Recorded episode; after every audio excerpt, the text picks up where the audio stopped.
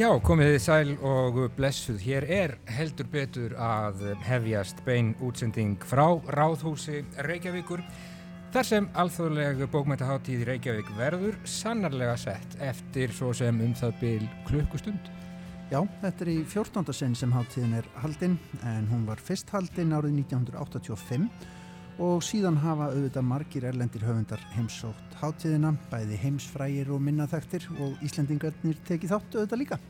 Og hátíðin stendur fram á lögadag fyrir margir viðburður framöndan, upplestrar, málþing og umræður. Það eru 17 erlendir höfundar sem að heimsækja hátíðina heimað þessu sinni en íslensku höfundarnir eru 13.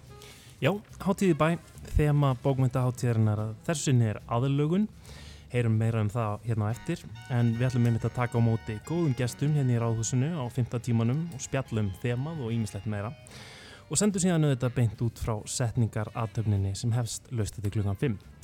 Já, við ætlum að ræða um bókmyndir og stöðu þeirra hér og nú í okkar samtíma og okkar samfélagi. Hvaða máli skiptir þetta allt saman og sitt hvað fleira? Gestur okkar verða Stella Sofía Jóhannesdóttir, framkvæmdustjóri bókmyndaháttér í Reykjavík, bókaútgefundurnir Marja Rán Guðjónsdóttir og Pál Valsson. Fríða Ísberg reytvendur og Gauti Kristmannsson, professor í þýðingafræðum við Háskóla Íslands og bókmyndagagrínandi. Einnig verður rætt við Óttar Proppi, vestlunastjóra í bóksölu stúdenda. Já, það er ekki nóg að skrifa bækur, það verður líka einhver víst að kaupa þær en Það er ekki eftir neinu að býða við róum niður í Duke Ellington. Velkomin Stella Sofía Jóhannes Dóttir, framkvæmdastjóri bókmyndaháttíðar í Reykjavík. Kanski ekki alveg tímabært að segja gleðilega háttíð en eh, það stittist í þetta 14. bókmyndaháttíðin. Allt klappað og klárt ger ég ráð fyrir ekkert sem klikkar híðana eða hvað? Það klikkar ekkert híðana. Það er orðið svo, já, jú, er ekki bara tímabært að fara að hefja leikinn og, og fara að setja þetta í gang. Ég held að það bara geta ekkert klika hérna því að það er allt á réttum stað Já. og allir þar sem þeir eiga að vera, allir höfundar eru komnir mm -hmm. eða á leiðinni. Og við setjum hér í svona tómum tjarnarsalnum hér í Ráðhús Reykjavíkur hér eru engir gestir svona enn sem komið er en, en það er búið að dekka borðin og alltaf verða reddi hljóta að fara að hafa sér til gestinir og fara að streyma á sveið, ekki sant? Jú, þeir eiga vita það, þeir eiga að mæta enga klukkan 5 Þið viti það þá. og hérna reytvöndar afskaplega uh, tímalega alltaf Já, og ég hef engar ágjör af því. Einmitt, Ég hef mestar ágjör af því hvað gólfið er slift hérna, það var verið að olíu bera það og hérna, ég vil að best að hérna vara vantarlega gesti við að Já. koma bara helst í svona skólífum eða Já, ekki allavega á lagskónum sko, ekki dansskónum. Nei, ég hefði nú bara smá að gera þessu sjálf því að ég er á dansskóm, ég ætla að vera á dansskóm alla hátíðina út af bókaballinu sem er á lögadagin en hérna það er sannlega slilt gólfi En það sem nefnir, það er ímislegt sem að er í kringum það er auðvitað að hitta höfunda og, og hlusta á þá, lesa upp og þarf fram með göttunum en það er líka svona félagslíf er það ekki í kringum þetta? Jú, það er alls konar hérna, félagslíf og bara til dæmis á kvöldin þegar að dagskráni búin þá eru við með bókabari inn og, og það er ótrúlega skemmtilegt það er bæði veist, fyrir lesendur, fyrir höfunda og bara allar sem sækja hátíðina og líka bara fólk sem sækir ekki hátíðina getur farið þarna bókabarinn og veist, bara skella á hanga og... Hvað gera menna bókabar? Þeir náttúrulega tala um bækur. Nei, það, er bara, það er svo rosalega það sem er svo skemmtilegt enginni ásari hátíð. Og það hefur alltaf verið. Það er bara hversu svona hvað ég var að segja svona intím eða náinn hún er. Fólk hefur, þú veist, fólk kynnist rosalega vel. Og það til dæmis með erlendu höfundana, þeir eru hérna lengi þeir eru kannski í fimm daga og þeir hanga saman og þeir kynnast vel og, og það myndar þessa góðu stemningum sem smittar svo út frá sér. Já, einhverju kynnast kannski ofvel Kannski. En það er einhverjum sögum að því. Segð okkur sögum Hver segir að eitthvað sé ofvel en, en hérna já, ímynd, sko, og þá getur maður ímyndað sér að þegar þetta erlenda fólk er til dæmis á stærri háttíðum og þá sé þetta svona gistnara. Þetta er náttúrulega lítil miðborg fólk þjætt saman eh, það að vera á bókmyndahátti til dæmis í New York og tínast einhverstaður í borginni. Lítur að vera allt allt annað fyrir Akkurat, akkurat. Og þá þú veist á sem stærri hátíðum eh, í Berlín til dæmis sem er nær sko yfir alveg heilan mánuð þá kannski höfundur að koma og hann gistir eina nótt. Og hann hittir kannski engan annan höfund. Það er bara verið að kera með hann á milli staða og svo bara búið og bless og mhm. fara nú heim. En hérna við og það er auðvitað bara líka gott og hefur þú veist margt til síns ágættis en, en hérna það sem er svo veist, einstakt við þessa er þessi langat völ og fólki finnst það líka rosa gaman að koma til Íslands auðvitað, þú veist, það er spennand að koma til Reykjavíkur. Og þú veist, þú er komin alltaf þessa leiðinga, þá bara um að gera aðeins að tegja úr þér og slaka á. Fólk fær smá frítíma líka, fær að hanga á kaffehúsum og lesa mhm. bækur og... mm -hmm. En þema hátíðarinnar, það er aðlögun Getur þú sagt okkur aðeins frá þessu þema? Hvernig var það fyrir valinni til dæmis? Já, við sko, þegar fórum að skoða bara höfundalistan og, hérna, og verk þessari höfunda sem að er að koma út til dæmis það eru mjög margir höfundar sem er að koma út í íslenskum þýðingum, kannski óvinnjumargir og það er skemmtilegt, mm -hmm. en þegar við sagt, settust yfir þetta og fórum að skoða enginni hvers og eins höfundar þá sáum við bara, heyrðu, það er nú margt hérna sem að rýmar saman og hérna, og þá náttúrulega býr maður til einhverja góða yfirskrift. En eh, aðlögun til dæmis veist, þetta er óbúslega vítt hugtak og það vísar kannski til bara við erum alltaf að aðlaga okkur að nýjum aðstæðum við erum að laga okkur að breytum hverstasleika við erum að laga okkur að lofslagsbreytingum nýju tungumáli, nýju heimalandi við erum alltaf að flytja millir landa.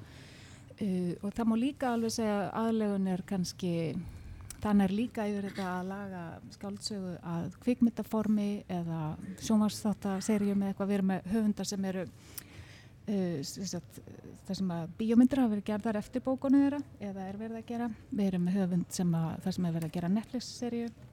Svo erum við með höfund sem að veist, hún er jagpönsk, skrifar á þýsku, mm. þá er hún búin að laga sig að nýju tungumáli. Mm -hmm. Þannig að það er, það er þetta stimpla nota þennan stempil Þetta er 14. háttíðin uh, fyrst haldið 1985 og þetta fer fram eins og venjulega í Yðnó og Norræna húsinu og svo líka í Veröldhúsi Vigdísar.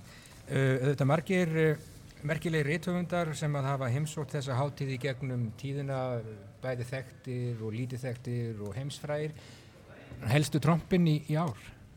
Örstuðt Helstu trompin í ár? Já, það Vá, góð spurning.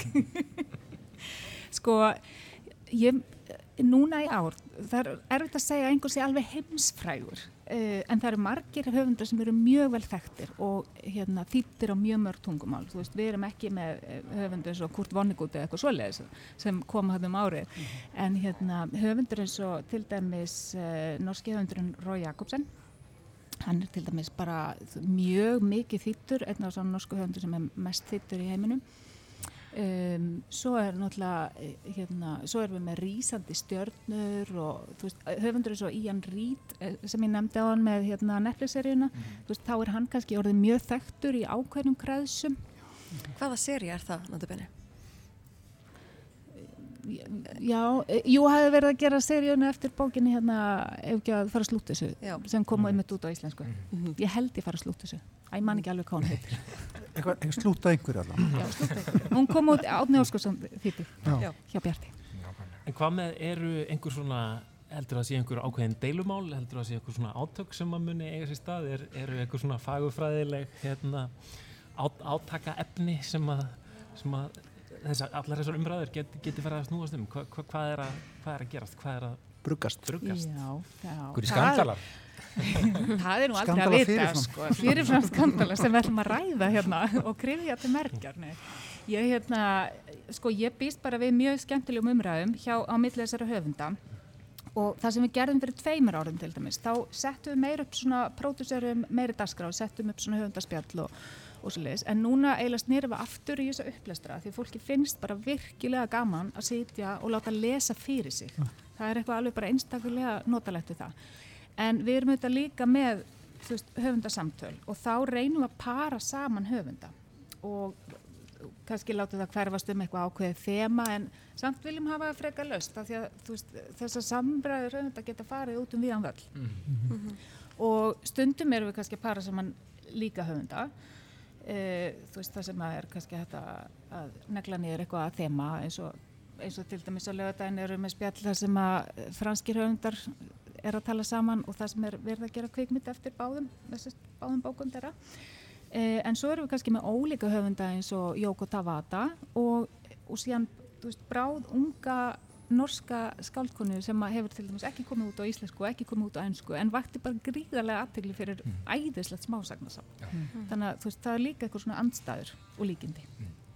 og svo er það nú bara hressandi líka að dettin í eitthvað sem maður veit ekkert hvað er maður hefur stundu farið á upplæstra á þessari hátíði þar sem að maður bara veit þekkir viðkomandi ekki neitt og það kemur mann ofta eitthvað óvart það er líka bara þessi umræða er oft skapandi og, og spennandi einmitt þegar þú, eins og þú segir þegar tveir höfundar mætast þá getur eitthvað orðið stuð, gott stuð úr því Eh, Vonandi ekki slagsmál.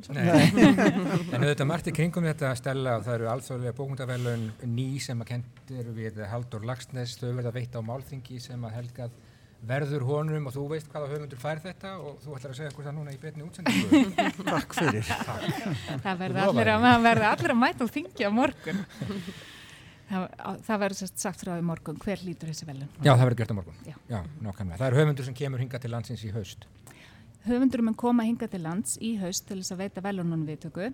Uh, því miður átt hann ekki heimagengt núna, eh, sagt núna í apríl, en, en hann, höfundur mun senda skilabóð Já, þetta er eh, okkar. ekki bara einhver Hannes á barónstegnum, þetta er Þetta er alvöru.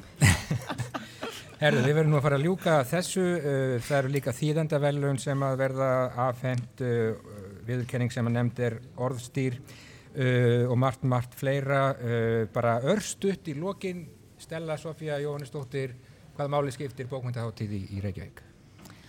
Hún skiptir miklu máli fyrir bæði rithöfunda og lesendur og ekki hvað síst þýðendur. Það koma svo margar þýttar bækur út í kringum hátíðina og jafnvel bækur sem kannski hefði ekkert uh, annars komið út. Og svo varpar þetta líka kastljósinu fyrir til dæmis uh, fyrir íslenska höfunda þá er þetta sérstaklega sagt, gott vegna þess að við, við fáum fjöldan allan af erlendum bókaútgendum sem eru koma hinga til lands til þess að kynna sér íslenska bókmyndasennu og jafnvel kaupa sér íslenska bók til útgáfu. Allt ljómandi jákvægt. En, Er það ekki? eh, Jú, ég held það. Stella Sofía Jóhannesdóttir, uh, bráðum segjum við uh, til hamingju með uh, þessa bókmyndaháttíð, við gerum það ekki alveg. Strax býðum kannski í, í hálftíma eða svo en takk hérlega fyrir spjallið og gangið er allt í hæginn. Takk. Takk. Já, við ætlum að fá til okkar hérna nýja gesti, Marja Rán Guðjónsdóttir, bókaútgefandi hjá Ángústúrum, ungu forlægi sem að vaki hefur aðtekli í íslensku bókmyndarlandslægi, hún er að fá sér sæti hjá okkur, og Gauti Krismansson, professor í þýðingafræðum við Háskóla Íslands og gaggrinandi okkar í Víðsjá. Velkomin bæði tvö. Takk fyrir. Er þið komin í gýrin? Já, Er það ekki? Já, svona hægt rólega. Já. Já. Þetta, þetta er svona dálítið gýr að fara í. Já, það er satt, þetta er svona, er að hefjast og svo, Þú varst að undirbúa þig heima, veit ég, Gauti, og Já, varst já. að lesa nafnaðinn Göte, já, já, sjálfsögðu. tilumni dagsins. Já, já, í tilmyndagsins. og það var einmitt ljóðið, kennst út þess land, þekkjur það land, það sem sítrónur, sítrónurnar vaksa. Nákvæmlega. Þetta Eh, þekki maður sem, maður sem hlustar á ljóðasöng, hann Já. kannast við, við þetta. Ekki, Nákvæmlega. Við ætlum að vera á léttu nótunum hérna í Ráðhúsinu í Reykjavík og spyrjum þig, Marja Rán, uh, þú fórst út í það uh, fáránlega fyrirtæki að, að stopna bókaútgáfu á, á Íslandi sem er nánast held ég geggjun en það hefur gengið vel hjá ykkur og Það er spretta nú upprendar, Já. reyndar en Já. þið hefur náttúrulega vakið aðtekli fyrir þessar þýðingar sem að þið hafi verið að gefa út. Hvað máli skipta bókmyndir í okkar samfélagi hér og nú? mér finnst það bara að skipta öllu máli bókmyndir í okkar samfélagi og ekki síst að fá þýðingar á erlendum bókmyndum til okkar. Bæði fyrir lesendur og líka fyrir rithöfunda, íslenska rithöfunda. Og mér finnst bókmyndaháttíð vera svona tækifæri til samtals við erlenda höfunda, við íslenska höfunda, við lesendur. Óbúslega hugguleg háttíð og opinn og þannig að já, mér finnst bara bókmyndir skipta öllu máli að, að þetta inn í góða bók er ekki eins og neitt annað. Nei. Og þið finnið mikinn áhuga fyrir ykkar útgáfu og þýðingum á, á já, erlendum nýjum ferskum bókum, ekki það? Jú, við gerum það og við, eins og þú sagðir Eiríkur, þá er þetta, þetta er náttúrulega léttgeggjun Mhm. sem betur fyrir er enn að bætast í hópin, hópu útgefanda en, en þetta er svona, já, uh, og það, var, það voru nokkur sem sögðu við okkur í upphafið þetta veri örugleið til að tapa peningum, veri að gefa út þýtar bókmyndir. Við reyndum þetta samt og það gengur og grunnurinn er sá að við bjóðum upp á þær í áskrift og fólk fær þær sendar heim. Uh, við finnum að fólk kann vel að meta það Já. að fá reglulega bækur, sér valdar bækur og það er farið að trista okkur fyrir að velja bækur, Fá skamtinn sinn sinn, fjölbreyttan en alltaf, alltaf einhver svona bætir einhverju við. Já. Sko Gauti, þetta er gríðarlega útgáfa á, á Íslandi og ég held að hún fari bara í aukana með hverju árinu sem uh, færist í aukana með hverju árinu sem, sem uh, líður uh, og margar útgáfur og, og einhvern veginn allir að skrifa. Þú fjallar um bókmyndir reglulega í þættinum Vísjá á Ráseitt. Hvernig, hvernig metur þú stöðuna? Er verið að skrifa góðar bækur á Íslandi?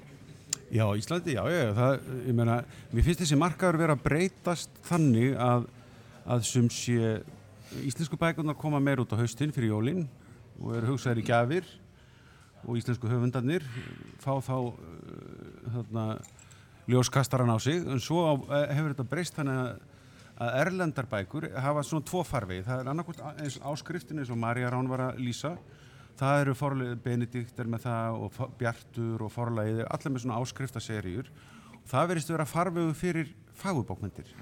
Krimmarnir koma síðan líka á vorin sem sé í þýðingu og líka frumsamdir held ég eða, eða kilju útgáfur af, af frumsöndu uh, á vorin sem sömar lesning en, en erlendu fagbókmyndar ég meina á nýjunda og tíunda áratug síðustaldar svona eftir að þýðingasjóðu komu þá, þá komu erlenda bækur í, í innbundnar Dostojevski og, og Joyce og, og, og Mikið blóma tími. Já, mikill blómatími og, og þarna, þetta voru svona sko, viðhafnar bækur.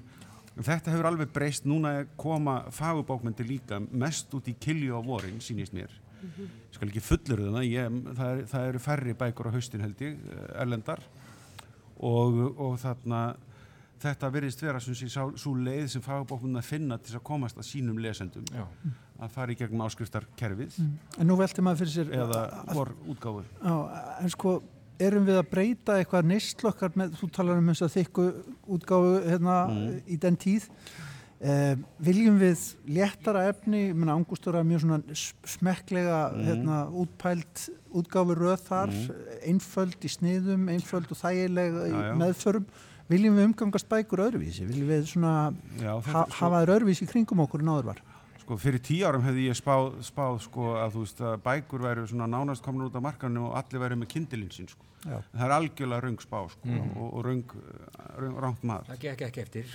Ekki Fólk virðist vilja sem sé, þegar það hefur tíma til að lesa á sumrin þægilegar kiljur snerta á og það er, það er ekki bara krimmar heldur líka vandaðar uh, fagbókmyndir.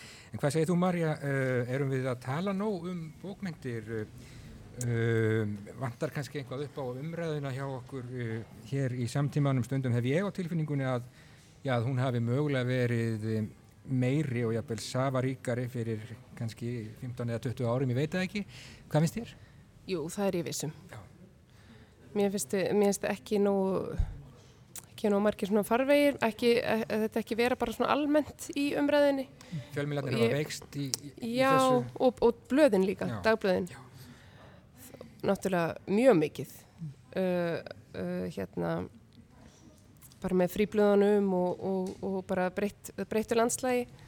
Um, Rása eitt hefur nú staðið sem mjög vel í umfjöllunum um bækur Þakka fyrir og, og Morgunblæði gerir það líka best af miðlunum, af sem sagt prentmiðlunum. Já, einmitt. Um, svo hafa reyndar verið að bætast við um, svona síður á netinu sem að fjalla um bækur. Sem, Já, hugrás og, og þessi já, svona, þessa veitur hugrás Já, og, og akkurat. lestrarklefin og, og Stara fugl og allt þetta og þetta, þannig að það er svona, það er eitthvað leslistinn, það Mhm. er svona, það er eitthvað, eitthvað svona bylgja í gangi en Já, einmitt.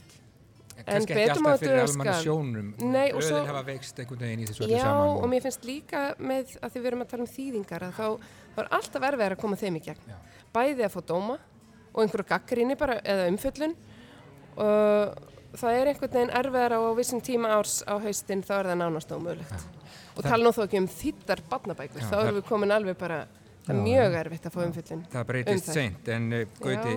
Um, eru við að tala nóg bara um, um fagurfræði og um hvað þetta snýst Já. allt saman uh, Skal er ekki er, segja. allir, allir einhvern veginn uh, sammóla og samdöyna eða hvað lítið, tekist á Það kann að vera þetta sé svona sé þessi eh, postmoderníska anything goes Mhm.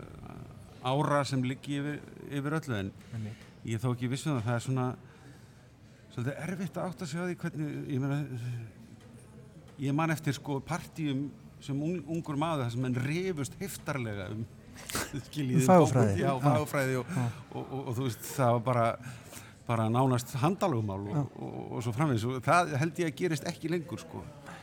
Og það er náttúrulega kannski samkeppni frá svo mörgu og, og svo framvegis en það eru samt alltaf einhverjir sem vilja uh, þarna fagbókmyndir og, og er að leita til að, gera eitthvað nýtt. Og við sjáum það kannski í þessum ungu forlögum eins og Partus og þessum ungu ljóðskáldum sem er að sem er að spretta upp og gefa bara út sjálf og það, það er náttúrulega orðið auðveldar að gefa út í appel á pappir sko sjálfur en okkur sinni fyrr og, og það, þar er kannski nýsköpunin a- að gerast sko sem, sem við kannski sem erum svona orðin svolítið settlegri í, í okkar háttum eh, tökum ekki eins eftir en, en þarna svona maður verður alveg var við og, og það er svona það er einhver gróska þar held ég sem að e, mikil vonir til og, og svo er ég daldi skemmtilega ánaði með það að, þarna eh, spá mína um að rafbækurnar tæki yfir allt hefur ekki ræst, fólk vill bækur. Eitthvað í hönd, höndunum. Sumir segja að það sé svona alltaf meir og meir í markaðslikt af þessu, það snúist meir og meir um límiðana sem eru settir á bækurnar fyrir jólinn og, og allar þessar stjörnugjafir og hver saði hvað og sko, Kiljan eina- stýri, stýri hérna sölunni í bókabóðunum Einn mín fyrsta reynsla bókmyndu var það að ég var fengið að leikja auglýsing á sjöðund áratögnum fyrir, fyrir barnabók sem heit Pip og ég var látið geta banana eða, eða tvíböku og lesa Pip, það er fín bók og það eru fimm- 40 ár síðan sko, 50 ár síðan og Það hefur alltaf hangið við. það hefur alltaf verið markasett það, það þarf að selja þetta, það þarf að selja, akkurat. Hvernig, hvernig náðu þið að selja bækurnar ykkar, Marja? Hvernig, sko, hvernig talar til okkar sem kaupenda og lesenda? Ég held eins og um þessar bækur sem við erum að tala um, þessa seríu, að þá er bara fullt af fólki sem les, og les mikið og vill fá svona bækur. Já, er Vill fá leitandi. þessar, er leitandi og þetta eru aðgengilegar bækur en sterkar sögur ég held að segja og svo, svo held ég líka að fólk lesi alls konar bókmyndir. Við höfum til að, einmitt, líka bara til að selja meira og til að hafa meiri breyta þá horfum við líka í, í fleiri flokka. Þannig við gefum líka út léttari bókmyndir sem seljast meira og, Og það er sumir hin- lesi í bland. Stundum er það annar hópur sem kaupir það en, en, en stundum bara sami hópurinn og kaupir hitt, bara vill fá allt í bland. Já, en það er hátíð að hefjast hér í Reykjavík og auðvitað margt framöndan fjölmargir erlendir höfundar að koma auðvitað og, og uh, margar þýðingar eftir þessa sömu höfunda að koma út bara núna uh, þessar vikurnar sem er uh, ánægulegt bara svona undir lokin fyrir hverju eru þið spenntust uh, á hátíðin í ár? Já, það er, er, það er svo margt sko en, en þarna, ég vil helst ekki vera að gera upp á milli. Það er bara að mæta eins og ég get og þarna, og njóta. Það er, það er málið var þetta ekki mjög rásast Mjög, mjög diplomatist. ég, ég, skri, diplomatist sko ég skrifaði það niður hérna Já, Ég held að, ég ætla nú að vera eins og gauti bara sem mest hérna, bæði hérna í og í Norrannósinu. Uh, en persónulega er ég mjög spennt fyrir tveimur höfundum sem við erum að gefa út, sem eru að koma. Ég er ekki ennþá búin að hitta þær, en það er bandarískur höfundur sem heitir Lily King, höfundur Sælivímu, og japanskur höfundur sem heitir Yoko Tawata sem að skrifaði etjur í snjó. sem á er bók vikunar á rás 1 þessa vikuna, endur tekinn þáttur síðan um daginn, Já, tilipni hátíðarinnar. Já, nákvæmlega en ég er spennt að hitta þær og, og kynast þeim. Já. Við segjum bara góða skemmtun á bókmyndaháttíð í Reykjavík árið 2019 Marja Rán, Guðjónsdóttir og Gauti. Kristmannsson, takk hérlega fyrir komuna og já, Guðni, það er sannlega mikið gefið út en hvað er verið að kaupa og, og hverjir kaupa? Já, við ætlum að skreppa aðeins út í bæ og kanna það mál. Uh, Anna Gíða Sigurgisladóttir, hún brá sér hérna bara þvert yfir tjörnina líku við, þó hún er nú ekki í sig löð, en yfir í, bó, í bóksölu stúdenta fyrir í dag og hitti þar verslunarstjóran og fyrirhandi stjórnmálamannin Óttar Proppe. Við skulum heyra hvað hann saði. Já.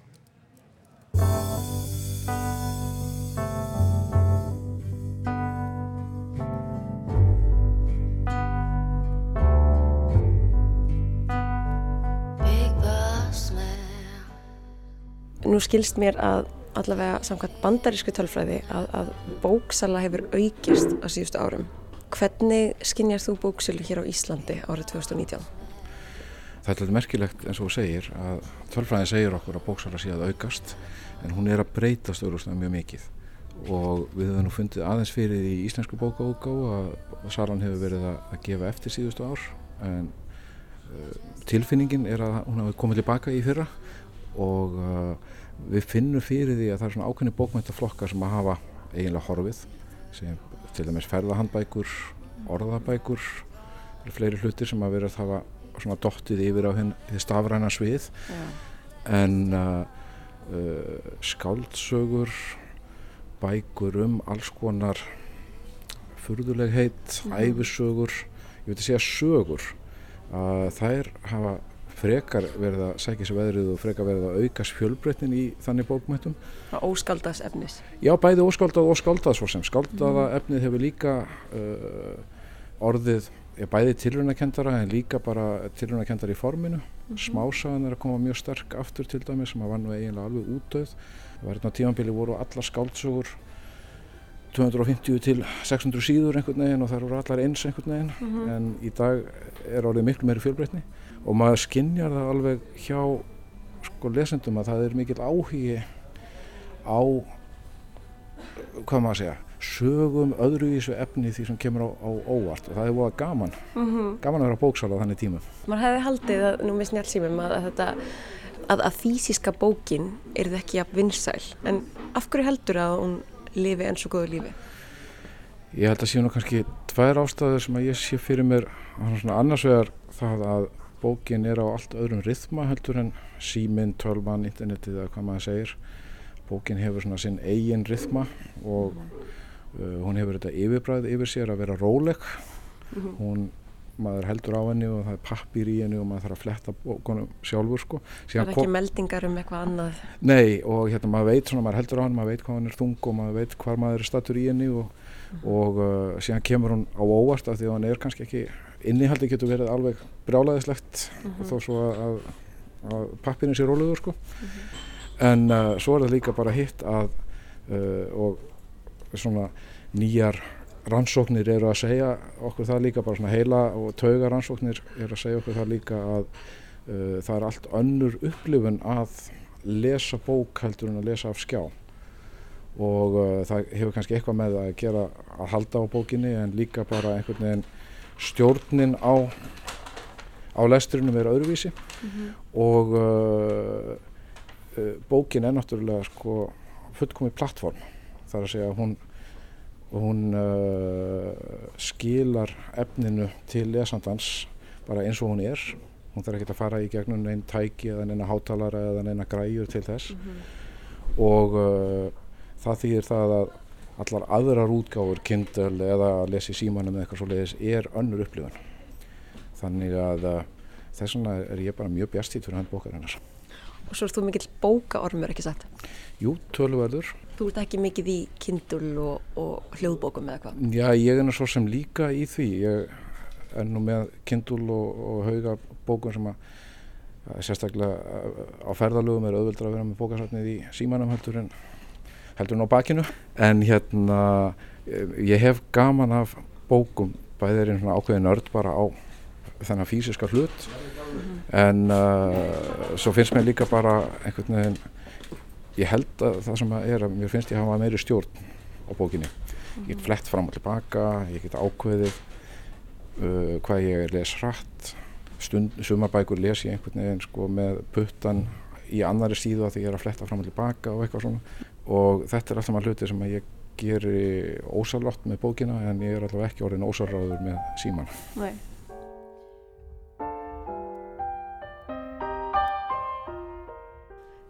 Hvernig er að vera að fara núr stjórnmálum og, og aftur í faðum bóka? Það er afskaplega uh, góð tilfinning fyrir mig mm -hmm. ég held að það sé aftur daldur spurningum hraða og rithma uh, stjórnmál eru svona ofsalega uh, uh, svona intens vinnuumhverfi. Og það er einhvern veginn alltaf álag og hraði á hlutum og, og krafa um að maður sé alltaf á hlaupum einhvern veginn og alltaf með alltaf tæru. Meðan að bókabanansinn það er svo sem nóg á aksjón í honum en hann gerist kannski á, á róleri rithma en uh, ég held líka að ég njótið stoltið að, að uh, fá að ráða því aðeins sjálfur um hvað ég er að hugsa mm -hmm. í bókunum þá er svona einhvern veginn allt upp á borðin í einu og maður er endalust að kynna sér eitthvað nýtt, maður er að sjá nýja bækur og uh, svona aðeins velja það hvað maður gerir fyrir hátíð og hvað maður gerir eftir hátíð sem var yfirleitt ekki bóði í pólitíkinni. Mm -hmm. Þú talar um að, að þú fáir að kynnast nú nýjum höfundum og nýjum strömmum og stefnum í bókmyndum. Hvernig líst þér á það sem er að gerast í bókmyndaheiminum í dag? Já, ég er mjög spenntur, kannski að einhverju leita því að ég hef aldrei búin að vera uh, fjarrir sem lesandi og ekki í bókabransanum síðustu tíu árin. En mér finnst þér að voðalega mikið að gerast og svona mikil fjölbreytni í, í bæði í skálskapnum og bara almennt í, í því sem að menn er að skrifa. Uh, að einhverju leiti er það ansvar við, held ég, þessar upplýsingabildingu þar sem allar upplýsingar eru á reyðum höndum einhvern veginn. Og uh, maður sér að bókmæntaformið sem að var einhvern veginn að halda á upplýsingum segjum orðabækur eða uppléttibækur eða bækur um eitthvað tímabilið eitthvað svo leiðis saga. einhliða saga eða hvað þær eru daldið að, að víkja. Mm -hmm. og uh, það gefur meira pláss fyrir uh, svona kreatívar í bókmæntum og bókmæntum sem að uh, hvað maður að segja auðra bókmyndum sem að segja eitthvað óvænt.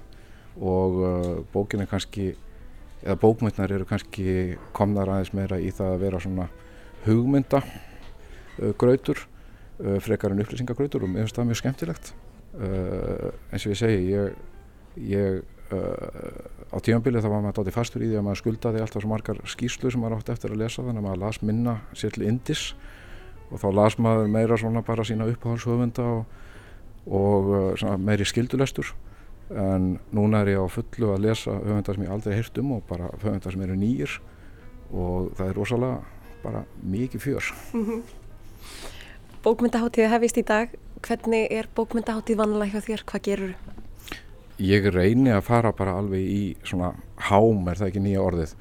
Reynir bara yfir eitt aðeins að setja allt til hliðar og, og skella mér í hlutina og vera bara svona doldið eins og svampur. Mm -hmm og það stendur til og meðan ekkert annað kemur, kemur upp að reyna bara að, að mæta og vera á eins, eins bara helst á öllum viðbörðum uh, áður sko þegar að bókmyndin háttíðin var að byrja þá var þetta svona tækifæri fyrir okkur hérna í litlu lokuðu samfélagi að fá að hitta höfunda frá stóra heiminum. Þetta var svona ákveðin gluggi út í heim fyrir okkur. Mm -hmm. og þá vorum við að fá hérna stóra rítvönda eins og Kurt Vonnegut, uh, Isabella Allende og, og hátíðin var svona frægorðin í hátíðabransana fyrir það að vera mjög norsk á það að fá til sín uh, Nobel-söluna hafa eða þá sem áttu rétt eftir að fá Nobel en uh, hátíðin núna er kannski orðið meira eins og ég var að segja svona ég segi ekki tilunakendari en þetta eru yngri höfundar. Það er meira höfundar sem eru kannski aðriðja sér til rúms, eru að slá í gegn. Svolítið eins og Æsland Airwaves. Já, daldið eins og Æsland Airwaves og ég held að þetta sé nú ekki meðvitað, þetta er bara svona ákveðin þróun. Mm. og kannski er hátíðin ekki lengur, var ekki lengur kannski þróunni sem gluggi út í heim heldur meira svona gluggi inn í nýjan heim, hefða hvað maður að segja og uh, ég held að hátíðin í ár, hún, hún hefur bara allaböru til þess að standa sér vel í því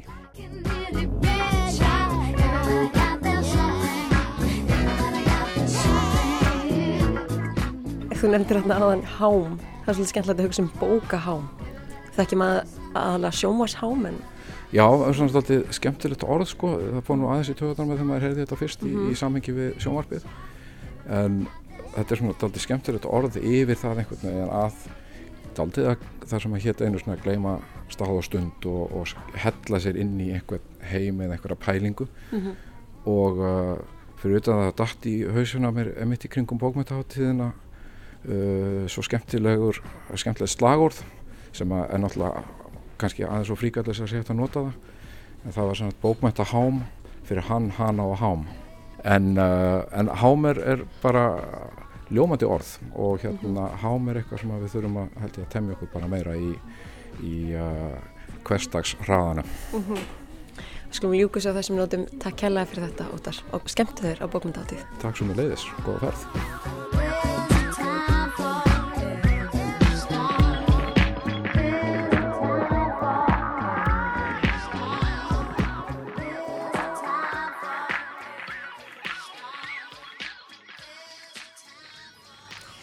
Nicky Costa, Everybody Got, got Their Something, vinsælasta lægið á dansskólfinu árið 2001 held ég. En Óttar Broppi sagði þarna, hám er eitthvað sem við þurfum að temja okkur í hverstagsraðanum. Og jú, nú er einmitt tíminn til þess að háma í sig bækur. Pál Valsson, bókaútgæfandi hjá Bjarti og Fríða Ísberg Rítumundur og þáttakandi í bókmyndahátti Reykjavíkur eru komið til okkar, verið velkomin. Pál, ef við byrjum að þér, eh, nú hefur þú fylgst með þessari hátíð lengi, hvaða máli skiptir hún? Hún skiptir Bara svona spyrja að því stóra. Já, sko, hún skiptir auðvitað gríðarlegu miklu máli og frá svo mörgum hliðum. Já. Það er bæði náttúrulega frábært að fá hérna alla þessa skemmtilegu og ólíku höfunda. Þetta er gott fyrir okkar höfunda að, að, að hitta og, og svo er þetta alltaf frábært fyrir lesendur og, og uh, smitar út frá sér í vonum við, það hefur alltaf gert það og þetta hefur alltaf verið mjög skemmtilegu tími þessi bókmyndhátt. Einmitt. Fríða, þú ert að taka þátt í fyrsta skipti og, og það eiginlega sérst á þér að þú ert ótrúlega spennt. Ég er alveg bara eins og hérna, eldgórs kortur í górs sko. uh, eða fjall kort, kortur í Mm. górs eldfjall kortur í eldgórs þannig líður mér Hvað, hva, akkur er þetta svona spennt? Hvað, hvað er það sem að...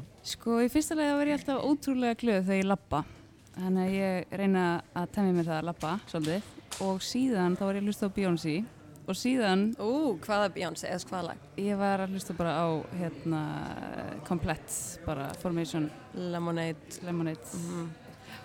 og hérna e, kjölfarið á hérna Homecoming sem að var að koma út um, já og síðan er bara svo mýl spenningur í loftinu Mm. það er svona tilningur, Einmitt. skemmtilegt Þetta er í fyrst skipt sem þú tekur þátt í átíðinni, eða ekki? Jú. Já. og Einmitt. bara mæti sko ég hef alltaf verið einhverstaðar á Seyðisfyrði og í útlundum og eitthvað þannig Mm. að ég veit ekki neitt Einmitt. En Pál, hvernig er hátíðin vanlega hjá þér? Ég, þetta er, það er skemmtilegt núna þegar nú er vor í lofti Mhm. og uh, þetta er ávinnilegum tíma í ár og það er svolítið gaman, þetta er skemmtileg tilrónu og ég, ég fagna henni þá erum við líka að, að um leið að segja, skilur, bókmynda skiptir máli árið um kring, ekki bara rétt fyrir jóli Já. og uh, það, það er gaman að fjölmiðlar eru líka fjall um þetta oft uh, viljum við að fjölmiðlar fjalli meir um bækur en nú er allir með og, uh, og uh, stemningin verður vonandi skemmtileg eins og alltaf.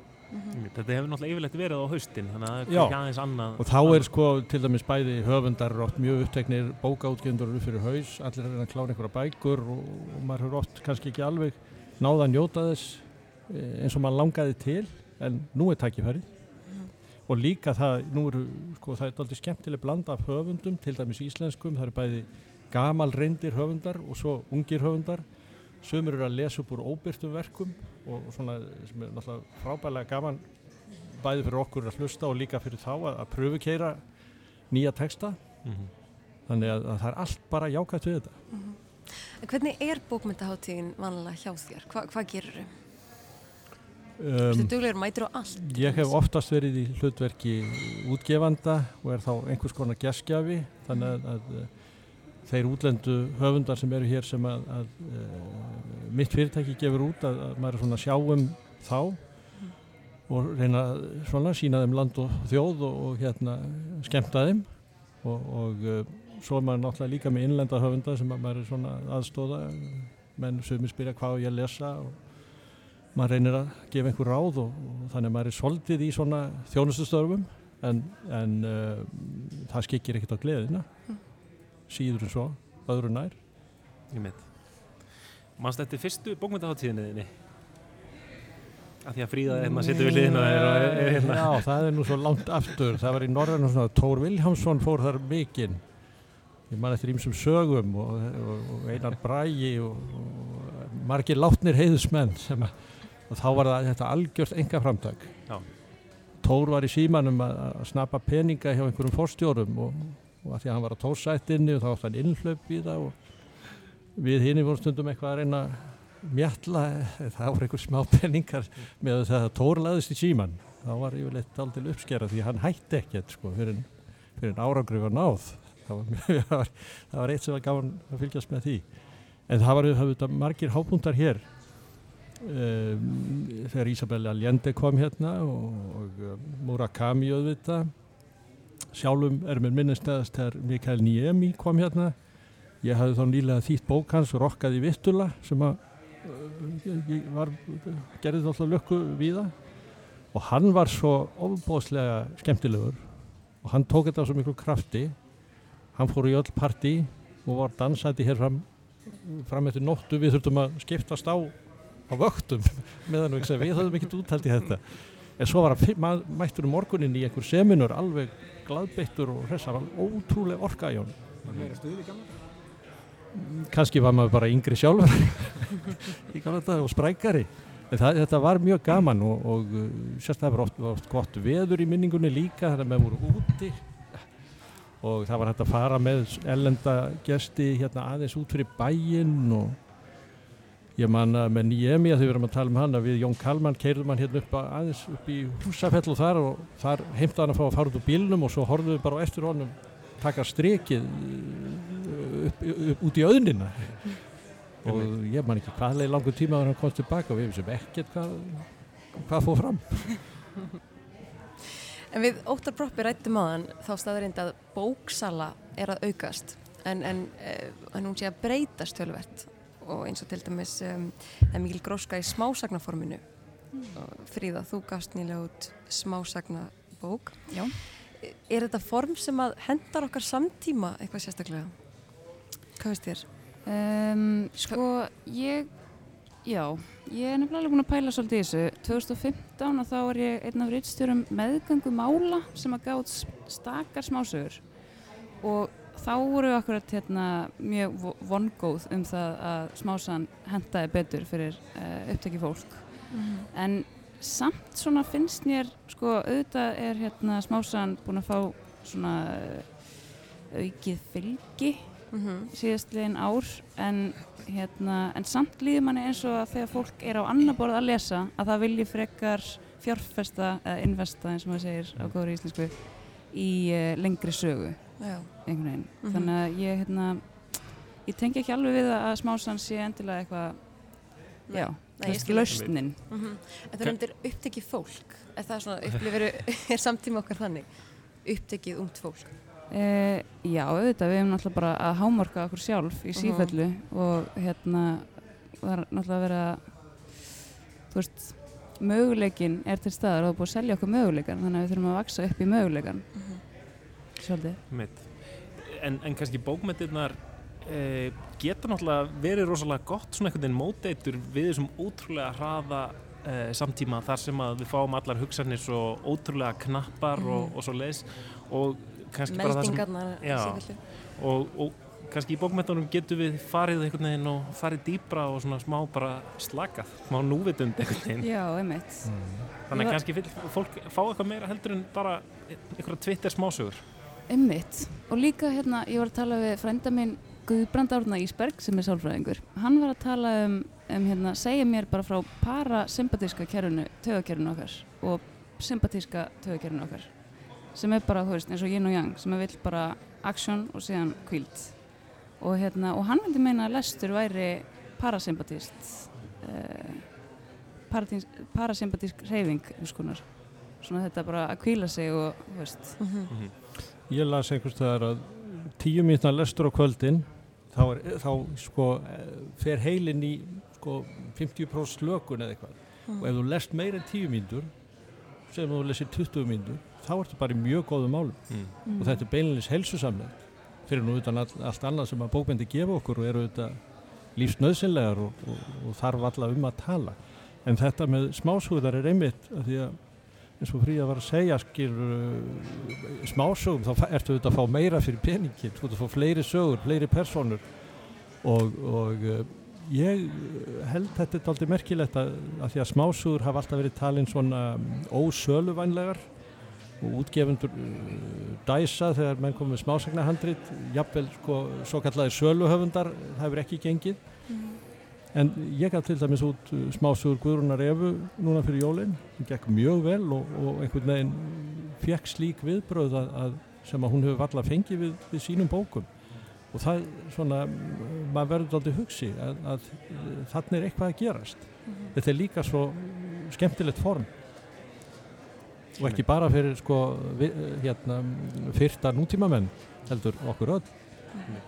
En, en Fríða, mér langar að spyrja þig hérna, ungt fólk í dag sko, óttar talað um að bóksala væri að aukast en mín tilfinning er að æfærri eru að séu að lesa bókmyndir af, af ungu fólki, fólki í kringum mig til dæmis, í, í kringum þrítut er ekkit rosalega margir sem að lesa mikið. Mm. Hvern, hvernig er þín tilfinning fyrir þessu?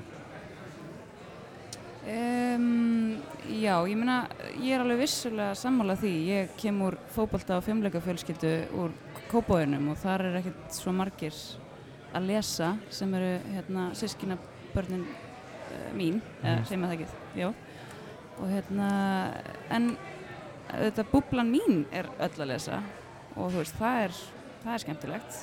Það er, þetta er ekki alveg þetta er ekki alveg, er ekki alveg búið að slökna slökna í þessum glæðum. Mitt. en uh, ég veit ekki. Ég veit ekki meir tilfinningar þess En þið takk í bæði eftir því að þessi gróska í, í smásagnarforminu það, um, það er áhugi fyrir því. Mm. eru fleiri ströymar og, og stefnur sem að þið finnið fyrir í dag árið 2019 eitthvað sem er vinsarlega en, en áður?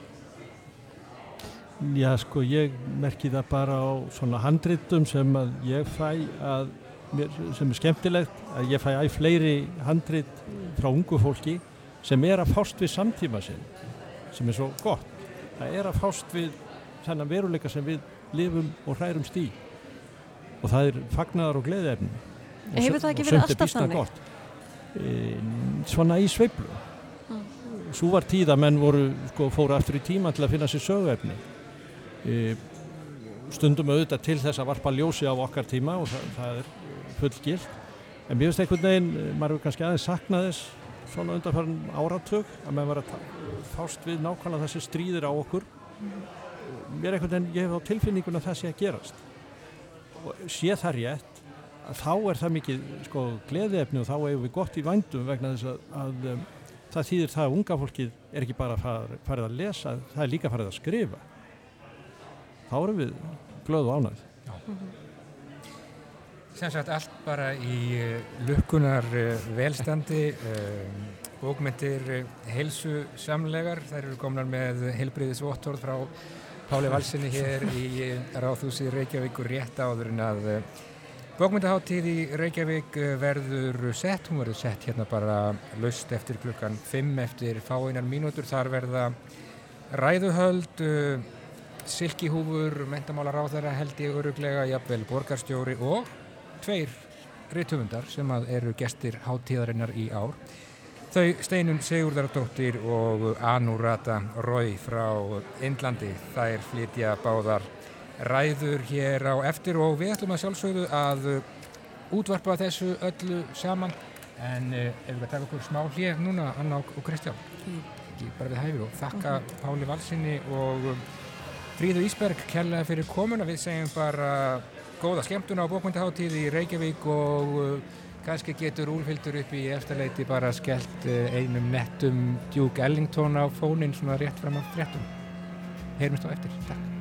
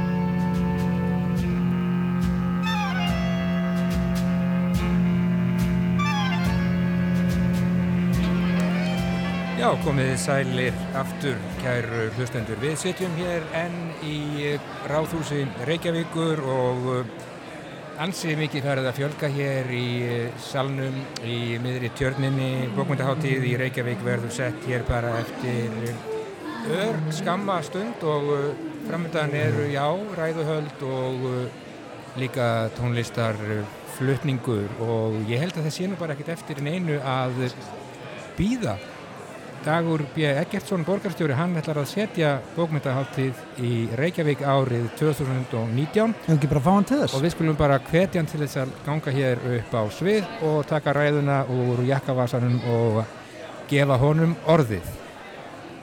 Kæru gestir, kæru gestir, eh, velkomin í Ráðhúsið og velkomin á bókmyndaháttíð í Reykjavík. Bókmennaháttíð í Reykjavík á sér langa sögu og eh, hefur verið nokkurnu veginn tvekjar á fresti í 30 ár en er nú í fyrsta sinn haldin á vori, síðasta vetradag sem er alltaf e, ákveðið tillökunarefni.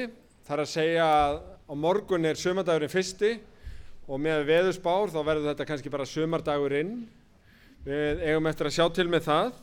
En allavega rýmar e, þessi dagsetning og það að halda bókmyndaháttið að vori gríðarlega vel við gróskuna sem að er í íslensku bókmyndalífi og íslenskri bókmyndaútgáfu þessi missurinn og e, ég held ég tali fyrir munn margra að það kerkomið að fara inn í sumarið með öll þessi nýju íslensku skaldverk sem hafa verið að koma út í vetur og síðastlið haust. Gríðarlega e, mikið af góðum bókum og svo streyma núna erlend skáldverk í íslenskri þýðingu sem að e, beint og óbeint tengjast hér við bókmyndaháttíðina, margir spennandi erlendir höfundar sem ætla að glæða borgina andagift og lífi næstu daga og sólarhinga.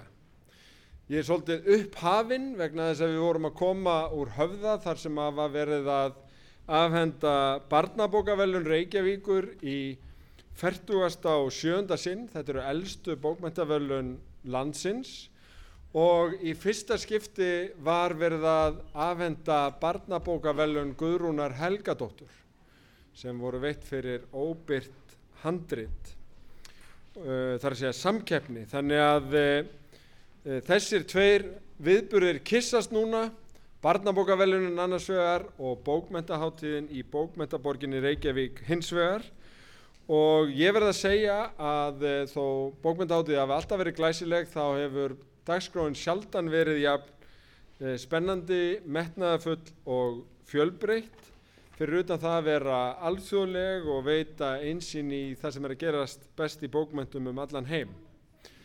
En ég ætla að leiða mér að vera svolítið sögulegur því að um þessa mundir er 100 ára skáldaamæli Haldós Kiljan Lagsnes og það var eiginlega bara nákamlega hér e, fyrir akkurat 100 árum sem 17 ára gamal strákur las upp úr sínu fyrsta skáldverki Barni náttúrunar eða eins og segir í auðlýsingu í Vísi sem byrtist það 9. mæ 1919 Halldór Guðjónsson frá Lagsnesi les kabla úr nýsaminni skáldsögu óprentaðri laugardarskvöldið tíunda þessa mánar klukka nýju í Bárubúð. Aðgöngumiðar fást í bókaverslun Ísafóldar í dag og á morgun og við ingangin kostakrónur eina og fymtju. Þetta voru það sem að fólk gerði á laugardarskvöldum í Reykjavík fyrir akkurat 100 árum og ekki slæm skemmt um það. Bárubúð var sem sagt reist um aldamótin 1900 á landfyllingu í tjörninni innmitt hér, þar sem ráðhúsið stendur nú. Bárubúð var samgómhús sjómanafélagsins Bárunar en þjómunaði ymsum hlutverkum, var nokkus konar harpa þess tíma, svona fundasalur og tónleikasalur og, og salur stórviðburða í menningunni. Fyrir utan sem mér skilst þetta aðeins fyrir mína daga að þarna hafi verið haldin feiki góð böll og hver veit hvernig þetta kvöld þróast hér hjá okkur. En eh, ég held að það sé viðegandi að eh, hugsa til stórskáldsins á þessum tímamótum með þakklæti fyrir hans framlag til íslenska bókmenta og menningar. En ég ætla líka að þakka þeim fjölmörgu sem hafa komið að undirbúningi bókmentaháttíðar eh, en ekki síður þeim sem hafa lagt í sarpin í bókmentum eh, síðustu mánada og missera. Ég sé ímisandlit hér í þessum sal. Við eigum ykkur alveg ótrúlega mikið að þakka fyrir framlægi til tungumálsins, hugsunarinnar, tilfinningaþroskans, þess að geta greint á milli góðs og íls og ég veit ekki hvað og hvað, það er endalöst sem sótt er í sarpin sem góðar bækur eru og sem betur fer eh, höfum við á því að fagna sem þjóð og ég held að við værum kannski ekki hér ef ekki væri fyrir góðar bækur, þar segja bara á Ísland og í Reykjavík yfir höfuð. Þannig að ég leifi mér með stolti að segja bókmyndahátti í Reykjavík setta, gjör þið svo vel.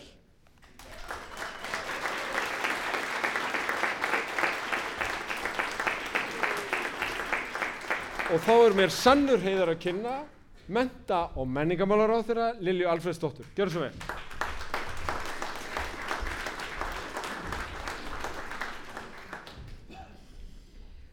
Góði gestir, ég óska okkur og Reykjavíkuborg sérstaklega til hamingju með einhver glæsilega dagskrá í ár.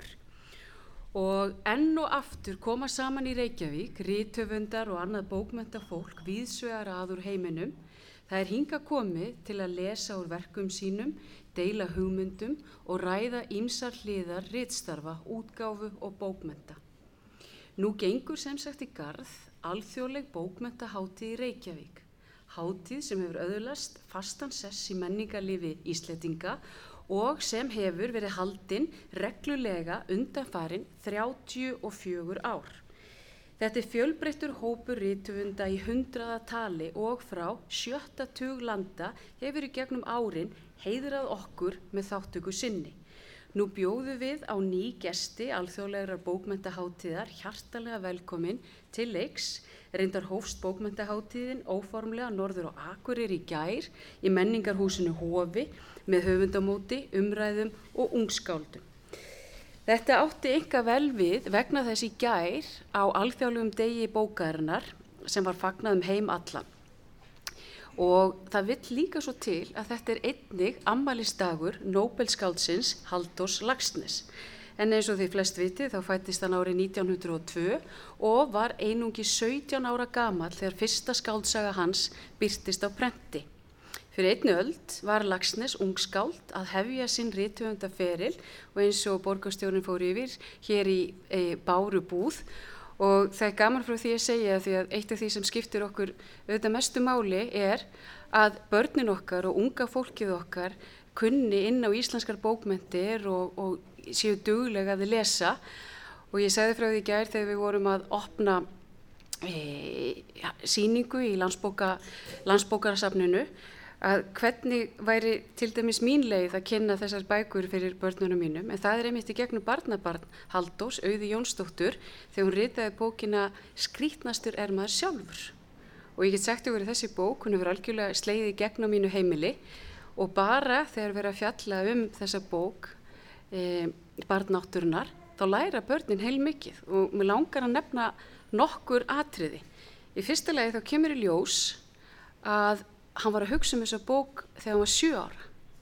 Og þá getur maður sagt við 9 ára gamla dóttu sína ég sjáu hvað þessi var sniður. Í öðru lagi þá kemur fram að hann sýnir rosalegt frumkvæði. Hann er 17 ára. Hann fer í þetta verk og hann gefur út bók. Og þá kennir maður þeim heyrði, það er hægt að fá góða hugmynd 7 ára og það er hægt að hrindin í framkvæmt 17 ára og það er hægt að vera hér í báru búð og kynna sig eins og hefur framkomið. Þannig að ég held að sé óbúslega mikilvægt þegar við erum að nálgast þetta viðfangsefni sem tengist læsi og því hvernig við ætlum að kynna þetta fyrir komandi kynnslóðum að við notum allt sem til er en bókmentir þar verða að vera aðgengilegar börnum og ungu fólki og og í menningarstefnu stjórnvalda er einmitt sérstök áhersla lögð á að ebla menningu barna og ungmenna. Í því ljósi og til að efla útgáfu barnabóka höfum við ákveð að bæta við nýjum styrkjaflokki fyrir barna og ungmennabækur við styrki miðstöðar íslenskra bókmenta frá og með árinu í ár. Þema alþjóðlegar bókmentaháttíðar í ár er aðlugun og, að, og vísa skipuleggendur þar til margskonar aðlugunar. Þetta getur þýtt aðlugun bókar að kvikmynd, aðlugun teksta af einu tungumáli á annað en einni aðlugunar mannkins að breytum aðstæðum í breytum heimi, hvort sem það er vegna lofslagsbreytinga eða breytinga á tungumáli.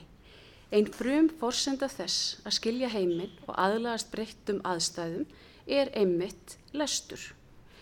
Bókmenning hér á landi er megin þáttur varðveislu og þróunar Íslands máls. Sögulega séð var þjóðtunga landsmanna einn helsta rauk sem þess að Íslendingar væru sérstök þjóð með réttmætar sjálfstæðiskröfur en bókmenning á Íslandi er ekki síður mikilvæg fyrir aðlugum þjóðarinnar að síkvikum nútímanum og mun hjálpa okkur að móta framtíðina. Bókaútgáfa á Íslandi hefur því miður áttundir höggasækja og hefur velta henn að dreyja saman síðustu ár. Frumvart til laga um stuðningu útgáfi bóka á íslensku var lagt fram á alþingi í oktober byrjun og hefur verið samþygt og það er einmitt megi markmið þess að ebla bókaútgáfu á íslenskri tungu í ljósi mikilvægis hennar fyrir þróun íslenskunar og bætt læsi þjóðarinnar. E, eins og ég segi góðu gestir, það eru mjög aðtiklisverðir höfundar á ferð á bókmyndaháttið sem hafa hátt átt mikillir velgengni að fagna í heimalandi sínu sem víðar. Um 20 erlendur höfundar taka þátt að þessu sinni sem hafa margir hverjir þegar verið þýttir á íslensku og eru verk annara í þýðingu. Þýðing erlendra höfunda opnar Ísletingum glugga inn í menningarheima annara landa.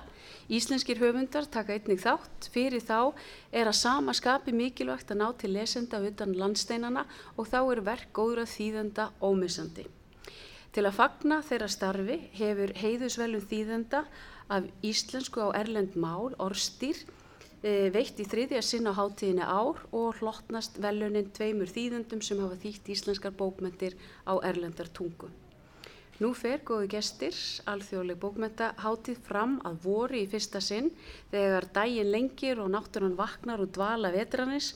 Nú vekju við einnig andan næstu dagana í Norrannahúsinu, í Yðnó og í Veröld húsi Vigdísar þar sem bóðið er upp á bæði glæsilega og metnaði fulla dagskrá sem, sem er öllum opinn. Góðu gestir, okkur er bóðið í sangallaða bókmenta veislu nú í apríl. Við skulum grípa tækifærið og njóta vel af veisluföngunum. Til hamingju.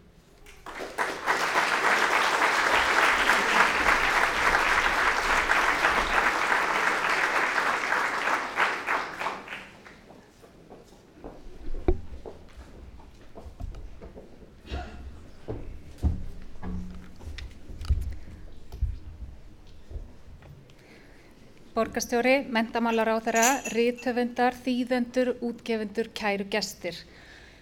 Þetta er svolítið endur tekið efni hérna en mér langar að bjóða ykkur öll hjartalega velkomin á setningu 14. bókmyndaháttíðarinnar í Reykjavík. Í fyrsta skipti er þessi hátti bóka og lesturs haldin af vori og það fyrir vel á því enda er þessi árstími orðina miklu blóma skeiði í bókaútgáfu og bóklestri Nýjar bækur streyma í búðir og það er mikil gróska í allskins bókmyndagreinum. Dagskráin á hátíðinni framundan er fjölbreytt og spennandi. Hún byrjar snemma og henni líkur seint. Nú kemur það sér hversu mikið daginn er tekið að lengja því við getum bóðið upp á langa kvöldaskrá, samkalla bóka hám á þessum björtu vorkvöldum og enginn þarf að fara snemm í háttin. Hér verður bæði hægt að hlusta á upplestur, heyra spjallum bækur, lesa bækur og horfa kvíkmynd sem byggð er á bók. Á hátíðinni ár verlenum við þýðendur og rithöfund og eftir vill má líka segja að við verlenum lesendur. Þetta er að mistkosti þeirra hátíð. Hér kynnast er betur höfundum sem þau þekktu nú þegar en heyra jafnframt af höfundum sem þeir höfðu ekki lesið áður, kannski með stórt höfundaverka baki og það bætast vonandi marga bækur á leslistan eftir þessa hátíð og vonandi stækkar bunkin á náttborðinu líka.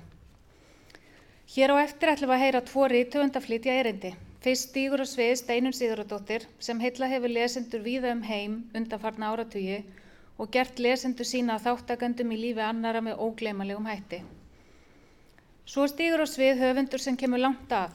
Hún heitir Anurata Roy og býr afar afskekt í hlýðum Himalæjafjalla.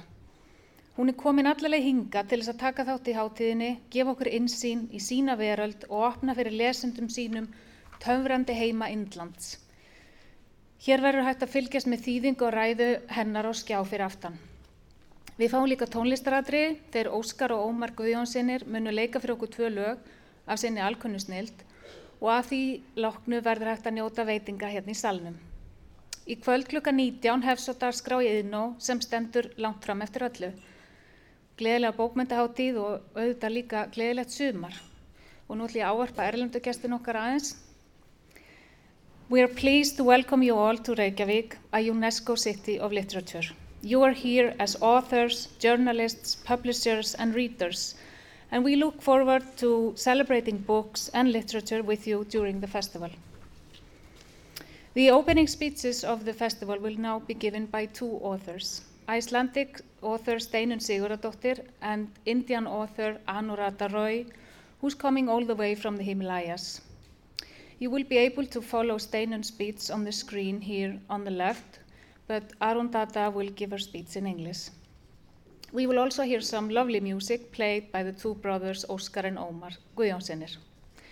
The festival program starts at 7 o'clock this evening in Idno, the old theater here next door, across the pond.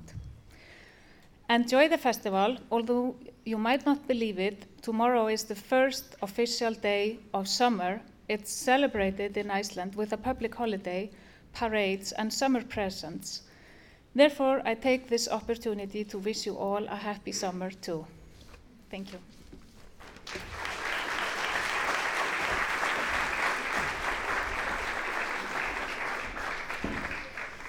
Góðan dag. Við bræður ætlum að leika fyrir ykkur lag sem að Haldur Lagsnes samti mæstjörnuna við og söng svo fallega í útasviðtali 1982 held ég. En eh, uh, engin, við þekkjum ekki hvaða laga þetta er og ef einhver af ykkur þekkir lagi þá megið endilega láta okkur vita eftir flutningin Música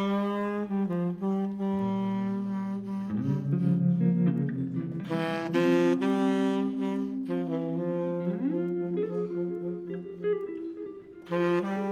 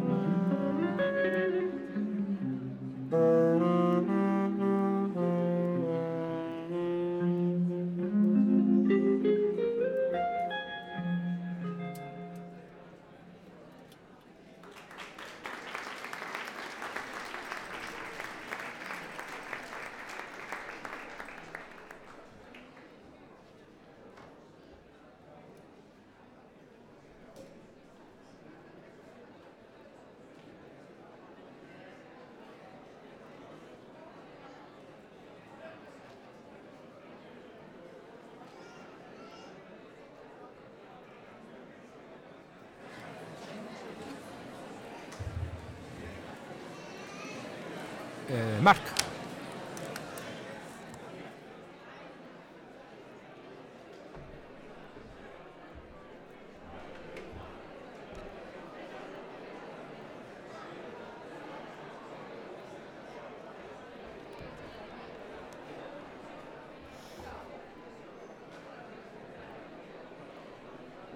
Komið í sæl.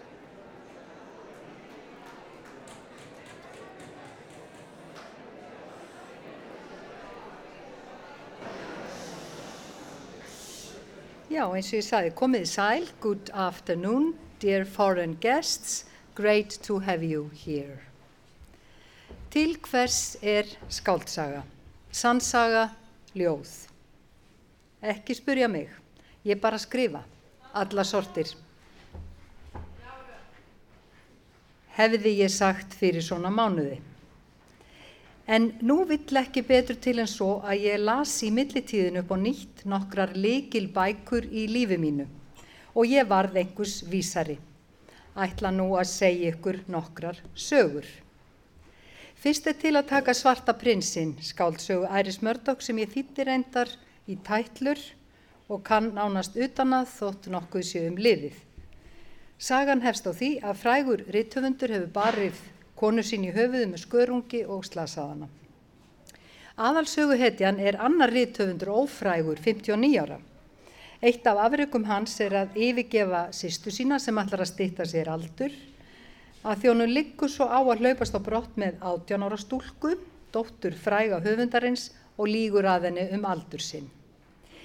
Þegar komið er í ástarheyri við sjóin verður söguhetjan fyrir mótorstoppi í rúmunu. Það reynist honum loksins til nöðsynlegar upptendrunar að stúlkan hefur brugðið á leik og klætt sig í hamlet búning. Túlki nú hver sem vill. Það er hins vegar ekki túlkunaradrið lengur hvað fer fram, það er naugun. Hvers vegna er ég að rekja þessa fléttu hér? Vegna þess að ég, sem hef ekki gert annað en að skrifa allt mitt líf þar á meðal skáldsögur, sá ekki almeinlega hvað er á ferðinni bæði hvað einstök atriði varðar og svo almennt. Kynja leikritið um 111 meðferð Karla á hvem fólki. Í svarta prinsinum bæði af hálfu hins fræga og hins ófræga rittöfundar. Það hafði sem sagt mestmægnis farið fram hjá mér þrátt fyrir gríðarlega mikil kynni á bókinni hvað leikur kynjana er hér ójafn og grimmilegur, konur leik, leiksoppar Karla heldur leiðra manna satt að segja og sjálfs upphafina.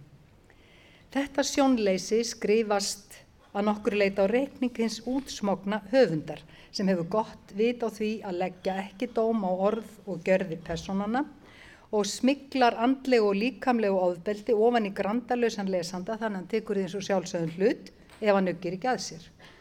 Ofan í kaupið slær höfundurinn ríki í augun á lesanda með svarta húmórnum í hvaða aðstæðum sem er, samanber ofansæða Hamlet uppákomu.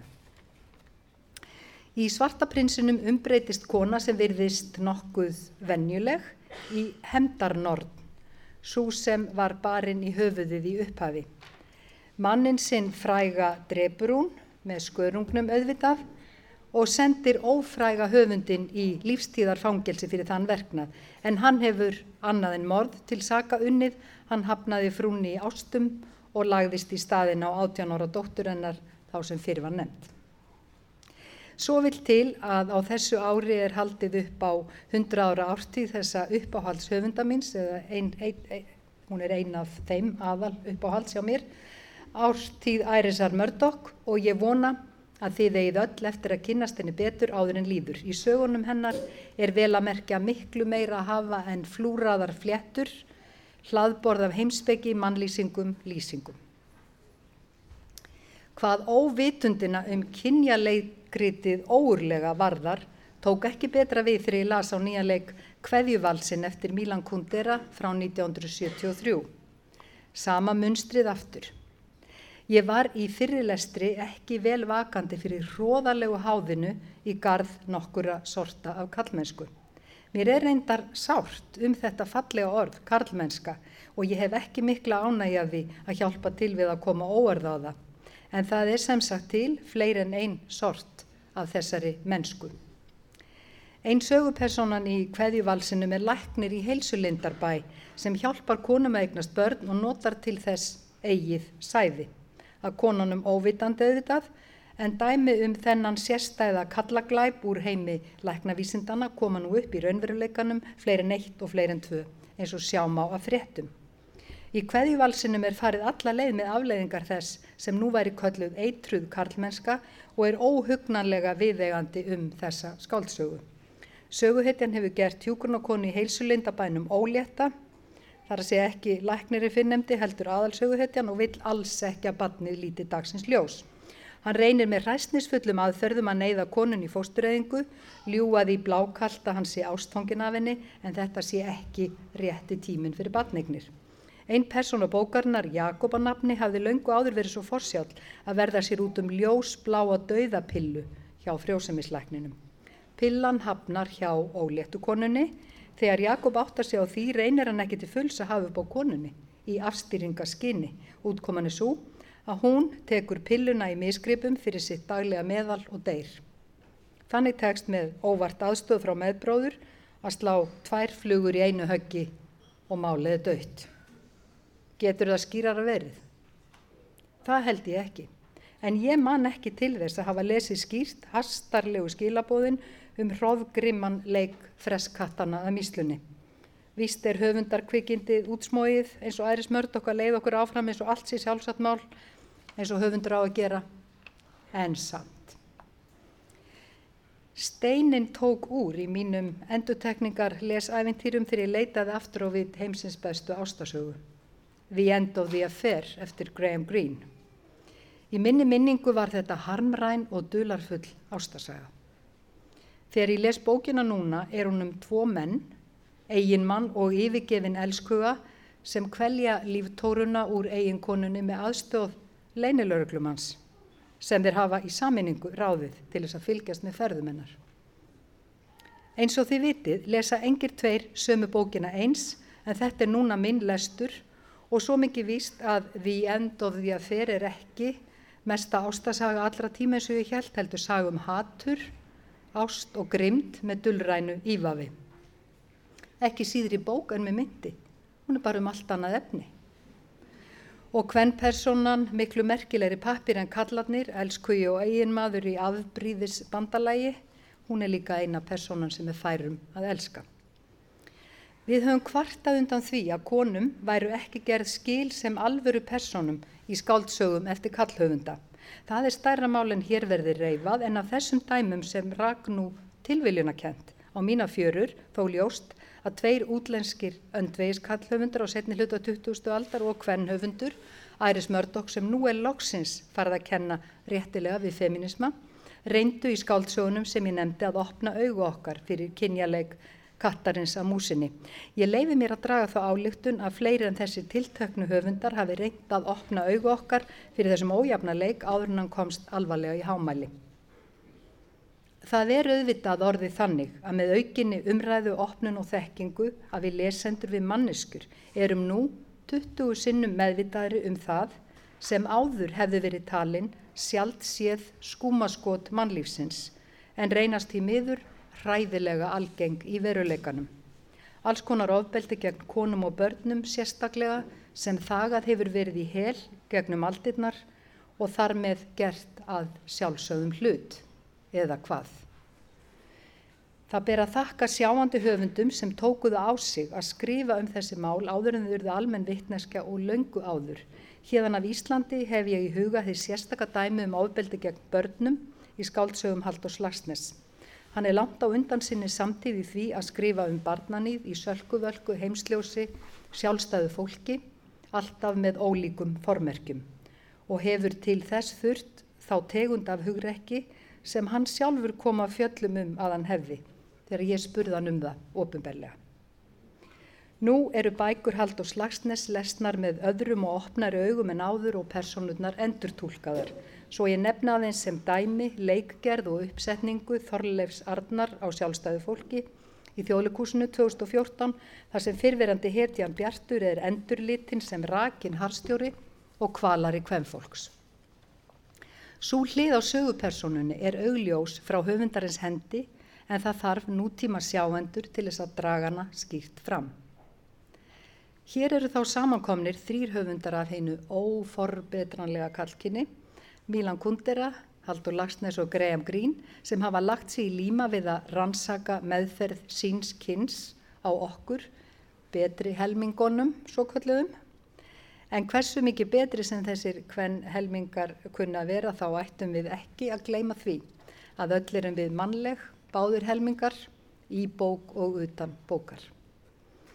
Ég vil taka það fram að mín nýja sín í endurlestrinu sem ég hef rakið sprettur ekki upp milli línana.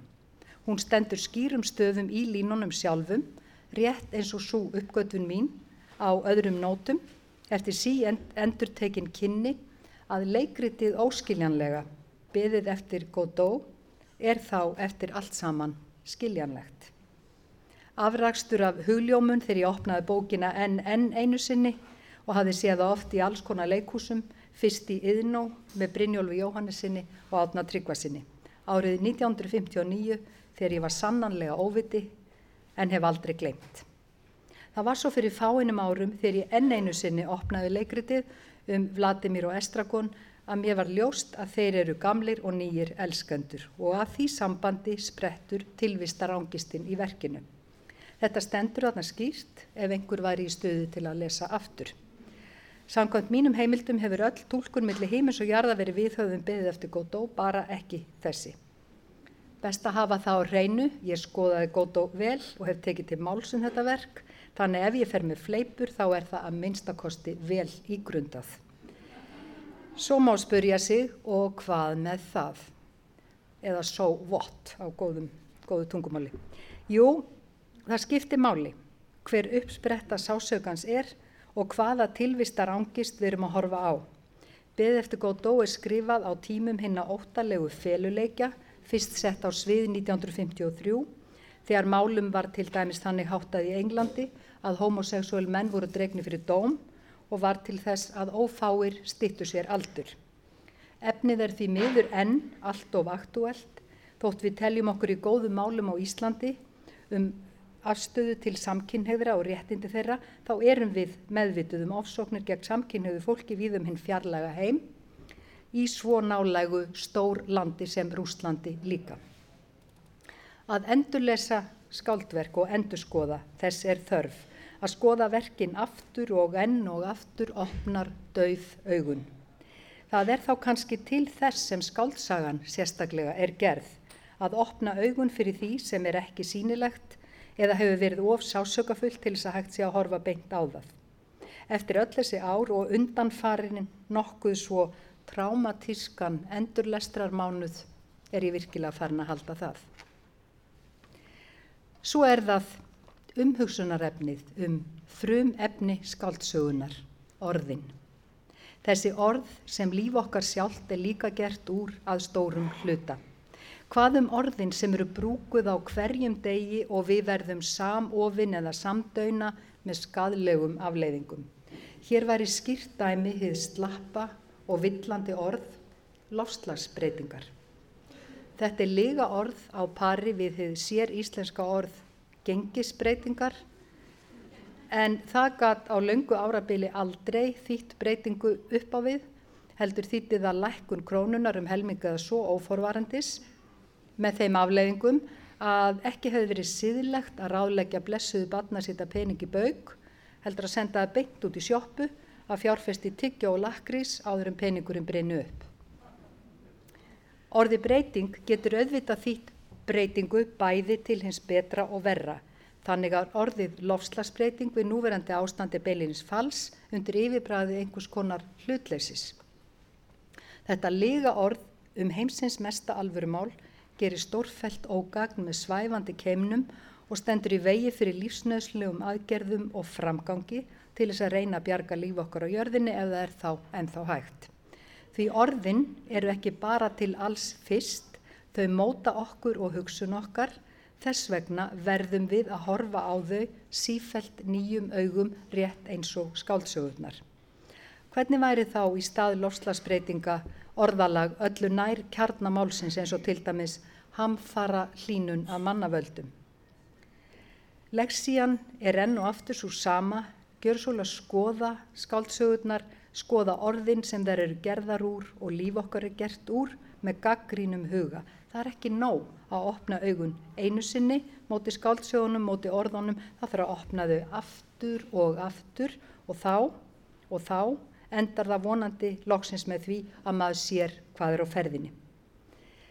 Hvað varðar heimsins elsta stríð og afdrifaríkara en við erum ennfarn að sjá kynjastríðið og svo stríðið sem verður hugsanlega okkar síðasta, stríðið sem við erum kannski búin að tapa, stríðið gegn andvaraleysi og græðki mannsins sjálfs sem mér dettur í huga kalla, hann fara hlínun á mannavöldum fremur ennið ísmeilega orð líginar, lofslagsbreytingar.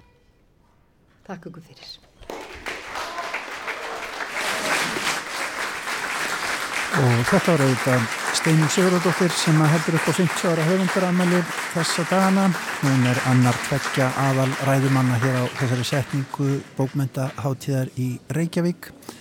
En næsti aðal ræðumadur dagsins er á leiðin í Pontu. Það er indveski höfundurinn Anurata Rói sem að flytur ræðu sína á ennsku. Við fáum hins vegar íslenska þýðingu beint úr efstaleitinu fyrir okkur. Gjör þessu vel. Can you hear me at the back?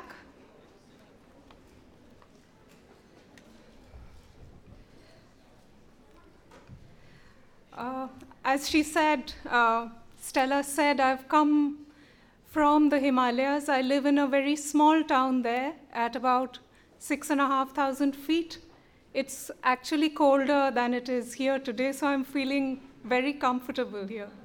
Thank you for inviting me. I'm absolutely delighted to be here. But when our plane was uh, flying here to this festival, the great physical distance uh, became so apparent to me.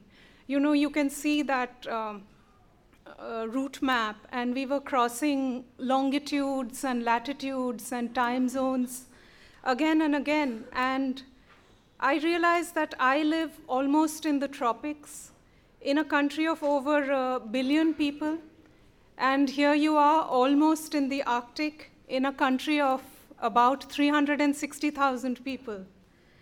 And my maths is bad, but my calculation uh, shows that for each of you here in Iceland, we have about 5,000 people back home in India. And we are of different races, of course, and we speak different languages. And within India, we speak uh, 23 different languages. We learn three of those languages in school, but many of those languages are Á leiðin hinga á þessa háttíð var það mér sífælt greinilegra hversu gríðarleg hinn bóstálega fjarlægð hingað er. Í vélin okkar var að fylgjast með flugleiðin í rauntíma og við þutum yfir breytargráðurnar hverja á fætur annari. Ég býr rétt við hitabeltið í landi þar sem íbúarnir eru fleiri en miljardur talsins. Þið hérna rétt við norðurheimskautið.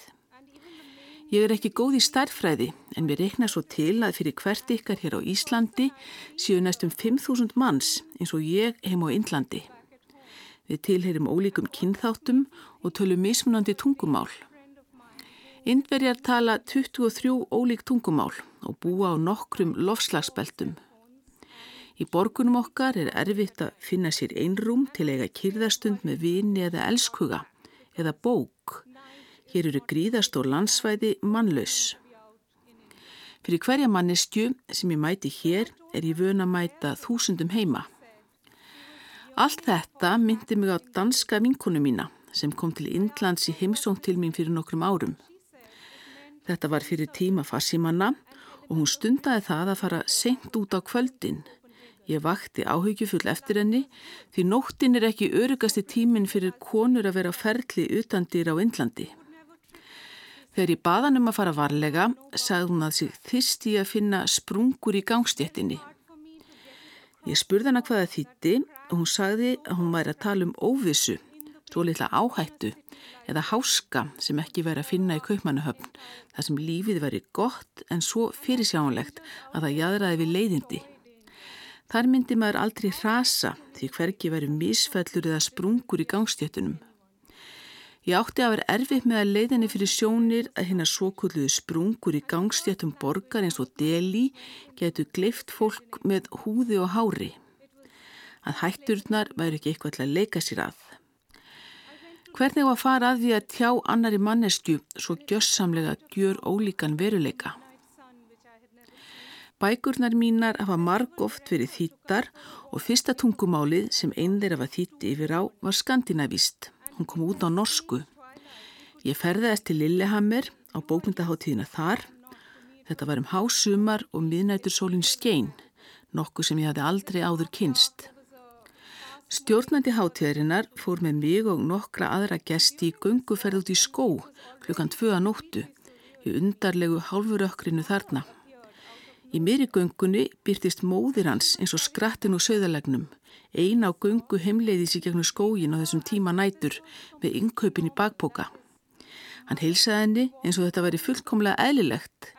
Kona að ganga heim til sín í gegnum skóglendi klukkan tvö um nótt.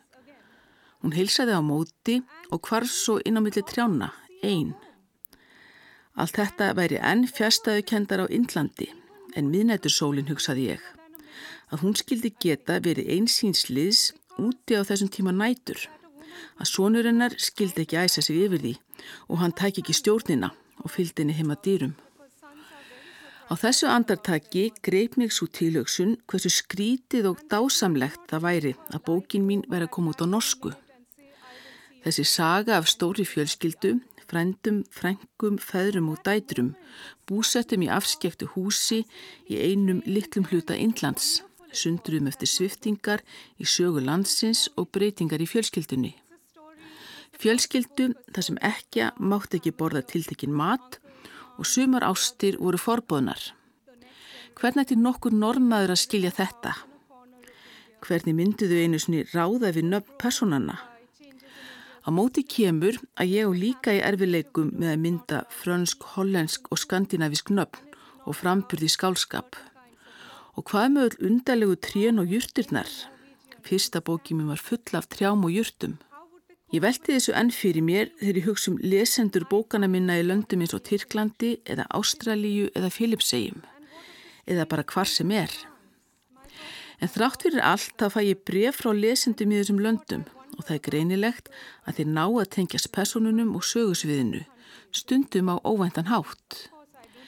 Við lesum öll bækur um ókunnuga staði og fólk og líður eins og við höfum kynst þeim. Í rauninni er það þessi hæfileiki sem enginnir fólk sem les skálskap að geta sögt sér ofan í aðra heima. Góðir lesendur þurfa enda að hafa eins mikið ímyndunarafl og innlefun og höfundarnir. Ég var kynnt fyrir Íslandi í gegnum skálsugur Arnaldar Indriðasonar. Ég veit ekki hvort ég er að byrja nafni hans rétt fram eða hvort ég skil endilega öll blæbriðin og menningarlegu tilvísanirnar í skálskap hans. En einhvað síður þá þekk ég hans heim og mér finnst það hrífandi. Ég las aðra höfunda frá þessum heimsluta. Jan Kross, Per Pettersson, Karin Fossum, Henning Mankell. Þið sjáuð að ég er haldinn ákveðinni glæpasagnafík. Ég var færum að lesa þá vegna þess að mannlegu tilfinningarnar, kendirnar og kvatirnar sem skálskapur tjáir eru skiljanlegar þvert á menningarheima og lönd. Það er þóla fyrðu auðvöldlega að vera þýttar yfir önnur tungumál. Það er þess vegna sem tungumál bókmenta og listar, sem tjáning tilfinninga sem eru hafnar yfir menningarheima, stendur alltaf í bytni andstöðu við tungumál stjórnmálana sér í lagi gegn þjóðurnishyggju eða henni ofstækisfullu þjóðurnishyggju sem fasismin er.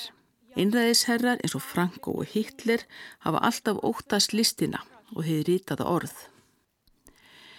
Í mörgum löndum vísvegurum heiminn, mitt eigið þar á meðal, horfum við nú upp á uppgang þjóðurnisíkju sem er ofbeldisfull og grimm og stefnir að því að skrimslavæða tiltekna hópa.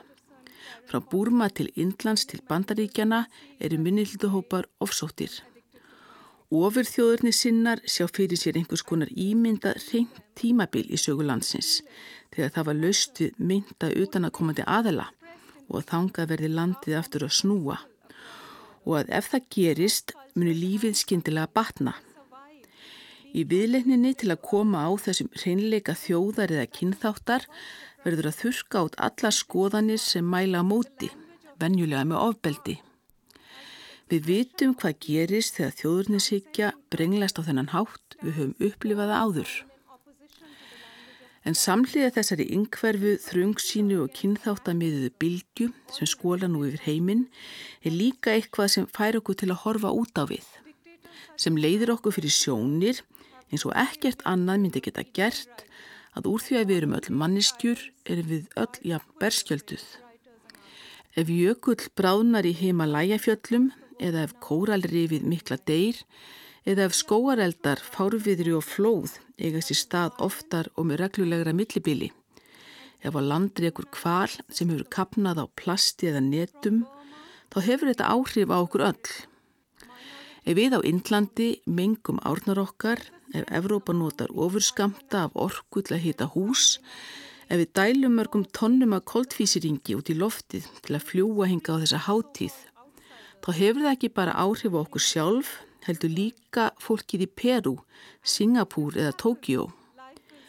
Þegar lífið fjara smám saman úr plánutin okkar, þá deyr hún okkur öllum. Ef til vil er það þetta sem lofslagsbreytingar og bókmentir eiga sameigilegt. Að á sama tíma og Ímis lönd reyna umlikja sem múrum er það þetta tvent sem opnar glugg okkar og huga á gjör ólíkan hátt og færir okkur heim sanninum að við búum öll í sameigilegum heimi. Sweeping over the world, there is something that makes us look outward. It makes us understand, like nothing else can, that because we are all human, we are all equally vulnerable. And if a glacier melts in the Himalaya, or the barrier reef dies, or wildfires, storms, and floods come more and more often, or if a whale washes up choking on plastic, it affects all of us. If we pollute our rivers in India, if Europe uses giant amounts of power to warm their houses so we can all stand here without our sweaters or coats, and if we put out tons of carbon in the atmosphere to fly all these latitudes to this festival, it affects not only us, but people in Peru, in Singapore, in Tokyo, everywhere. And as our planet slowly perishes, it dies for all of us. Maybe climate change and literature have this in common.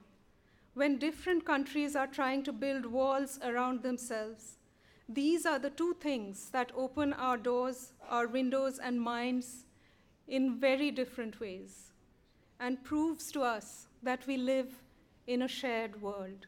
Thank you.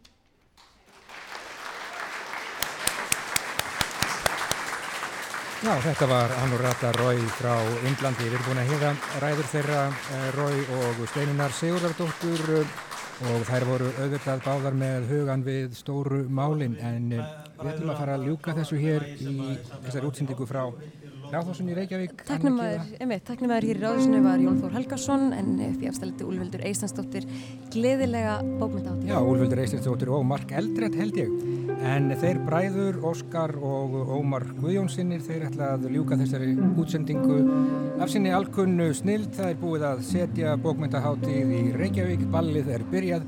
Við heyrumst síðar. Takk fyrir okkur. Verið sæl.